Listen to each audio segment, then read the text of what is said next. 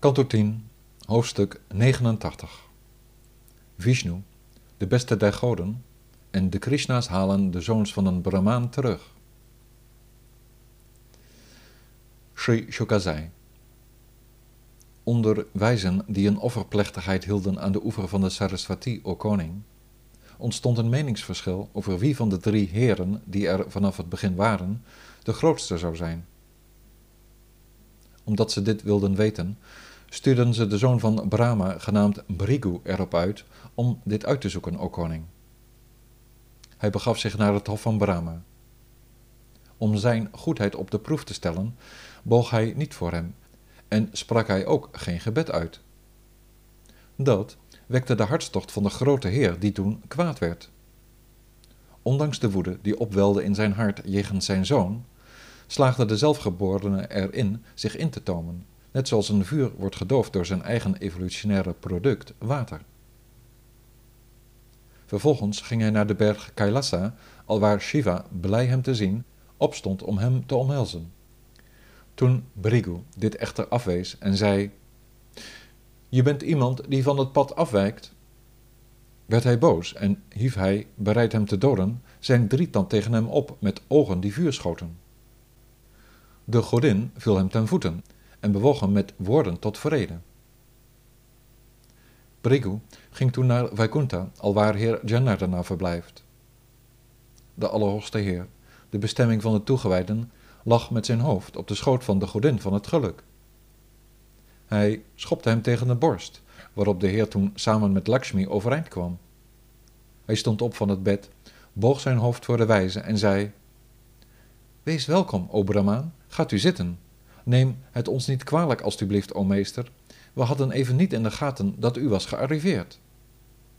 Alstublieft, zuiver mij, mijn wereld en de heersers van alle werelden die mij toegewijd zijn, met het water spoelend van de voeten van uw goede zelf, dat de heiligheid schept van de pelgrimsorden. Vandaag, o mijn Heer, ben ik de enig zaligmakende toevlucht geworden voor de godin van het geluk, omdat met het door uw voet bevrijden van mijn borst van alle zonde, ze bereid zal zijn daar te verblijven. Sri Shuka zei, Brigu, verrukt over en behaagd door de plechtstatige woorden die de heer van Vaikunta al dus sprak, viel overweldigd door toewijding stil met tranen in zijn ogen. O koning, Brigu keerde terug naar de offerplechtigheid van de wijzen die de Veda hoog houden en beschreef uitvoerig wat hij persoonlijk had ervaren. Toen ze dit hoorden, stonden de wijzen versteld, want door geloof te hechten aan Heer Vishnu als zijnde de grootste die vrede en onbevreesdheid brengt, waren ze van hun onzekerheden verlost. Het rechtstreekse bewijs van zijn dharma, spirituele kennis, onthechting, realisatie, de acht mystieke vermogens en faam, verdrijft de onzuiverheden van de geest. Men beschouwt hem als de allerhoogste bestemming van de onzelfzuchtige en heilige wijzen die, met geesten die gelijkmoedig en vreedzaam zijn, het geweld hebben opgegeven van het heersen met hartstocht. Zijn favoriete belichaming is die van de geaardheid goedheid, en de Brahmanen zijn zijn aanbiddelijke godheden, zij die vreedzame personen van een ontwikkeld intellect zijn, die hem vereren zonder nevenmotieven. Overeenkomstig de guna's zijn er de drie soorten van geconditioneerde wezens die door zijn materiële energie hun bestaan vinden. De wilden, van tamas, de rakshasas, de onverlichte zielen, van rajas, de asuras, en de goddelijken van sattva, de sura's. Van deze drie wezens zijn het degenen in de geaardheid goedheid, de sura's, die de weg wijzen. Sri Shukazai de geleerden, verzameld aan de Saraswati met de bedoeling de twijfel van de gewone man weg te nemen, dienden al dus met deze conclusie de lotusvoeten van de allerhoogste persoonlijkheid van zuivere goedheid en bereikten zijn bestemming. Sri Sutta de Naimisharanya zei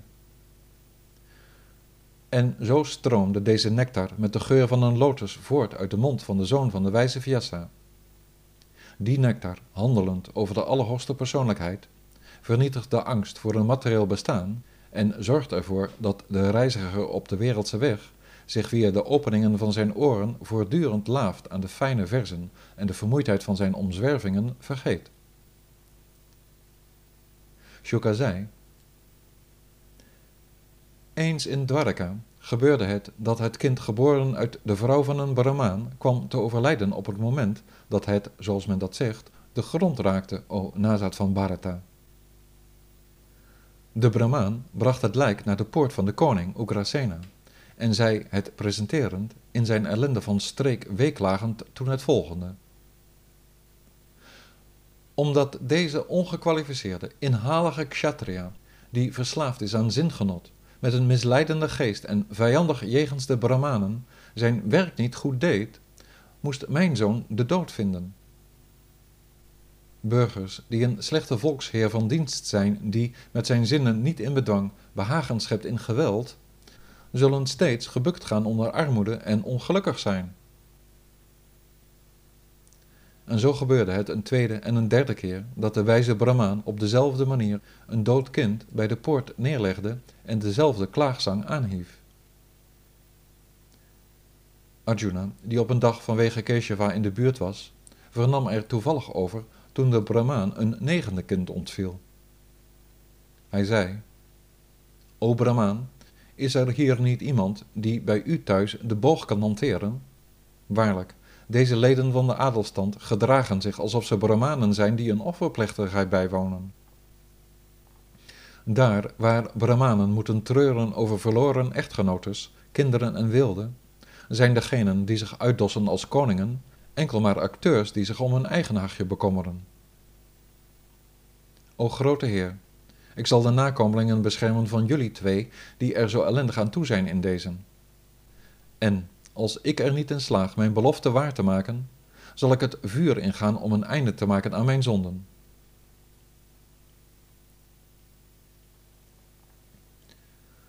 De Brahmaan zei, Sankarsana, Vasudeva, Pradyumna, de grootste boogschutter, en ook Aniruddha, de onvergelijkelijke strijdwagenvechter, konden ze niet redden. Waarom probeert u dan zo naïef dat te doen wat de heren van het universum onmogelijk voor elkaar konden krijgen? Daarom geloven wij er niet in. Sri Arjuna zei: Ik ben Sankarsana niet, o Brahmaan, noch Krishna, noch een nazaat. Men noemt mij Arjuna, wiens boog de Kandiva is. O Brahmaan, onderschat mijn kunnen niet. De drieoogige Shiva was er tevreden over. Ik zal in de strijd de dood verslaan en uw kinderen terugbrengen, o meester. O kweller van de vijand, de geleerde, die al dus overtuigd was door Arjuna, ging naar huis, tevreden met wat hij gehoord had over de macht van de zoon van Prita. Toen zijn vrouw op het punt stond nogmaals te bevallen, zei de hoogst verheven Brahmaan, mismoedig tot Arjuna, Red, alstublieft, red mijn kind van de dood. Hij beroerde zuiver water, bracht de machtige heer Shiva zijn eerbetuigingen, herinnerde zich de mantra's voor zijn wapens en spande de boogpees van de Gandiva. Naar boven, naar beneden en opzij schiep hij met pijlen die waren geladen met de mantra's een kooi van pijlen en schermde hij al dus het barenshuis af. Het kind van de Brahmanenvrouw, dat vervolgens geboren werd, huilde enige tijd, maar verdween toen plotseling de lucht in met lichaam en al. De Brahmaan zei toen in het bijzijn van Krishna, vol minachting tot Arjuna: Kijk hoe dwaas ik ben, ik die vertrouwen stelde in de opschepperij van een eunuch. Als nog Arjuna, Aniruddha, Balarama of Keshava hen kunnen redden, wie zou er dan bescherming kunnen bieden in een situatie als deze? Weg met die Arjuna met zijn valse praatjes. Weg met de boog van die snoever die zo dom en ingebeeld dacht dat hij hen kon terugbrengen die het lot heeft weggenomen.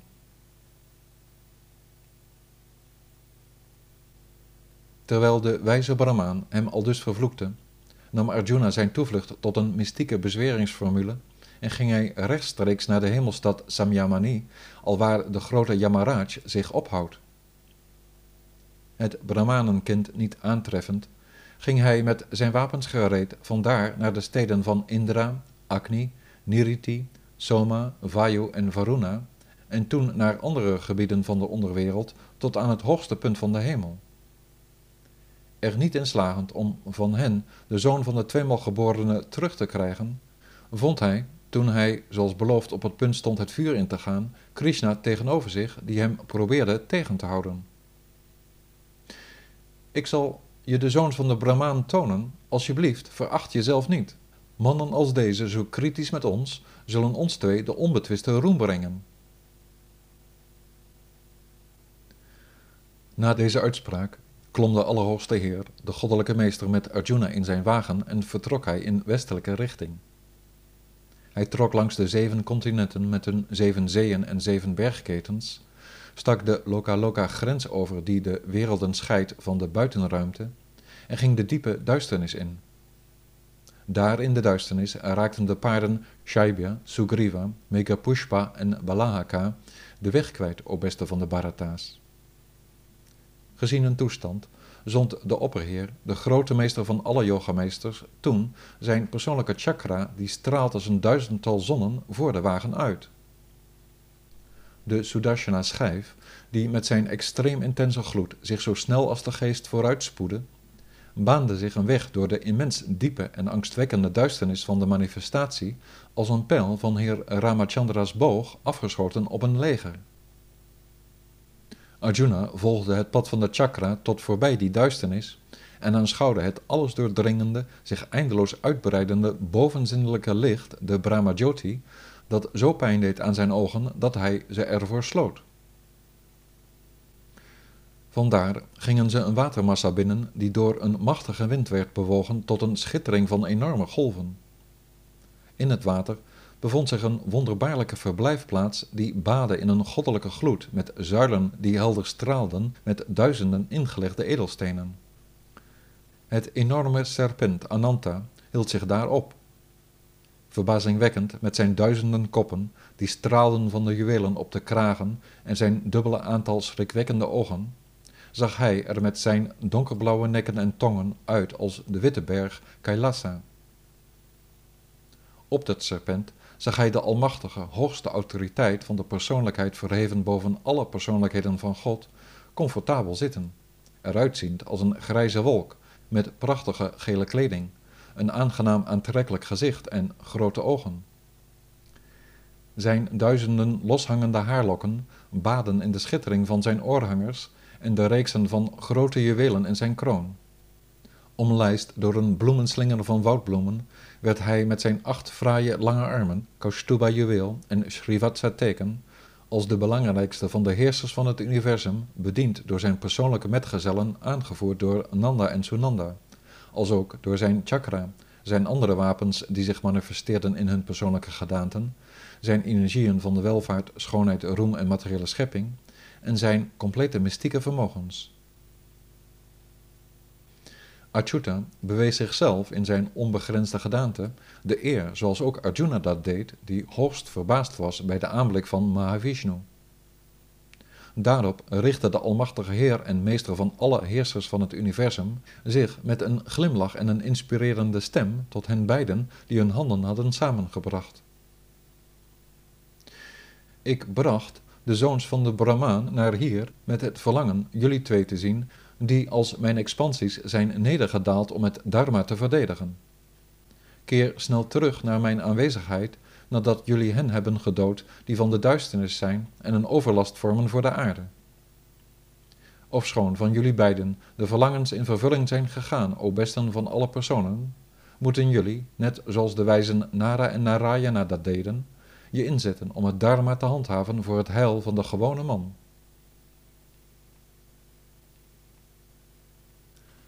De twee Krishna's, al dus geïnstrueerd door de opperheer van het hoogste verblijf, zeiden om terwijl ze bogen voor de Almachtige.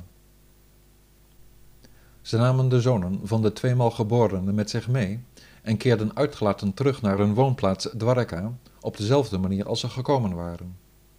Daar droegen ze de zoons die nog dezelfde lichamen en dezelfde leeftijd hadden als toen ze verloren waren gegaan, over aan de Brahmaan. Arjuna was diep onder de indruk van de verblijfplaats van Vishnu die hij had gezien.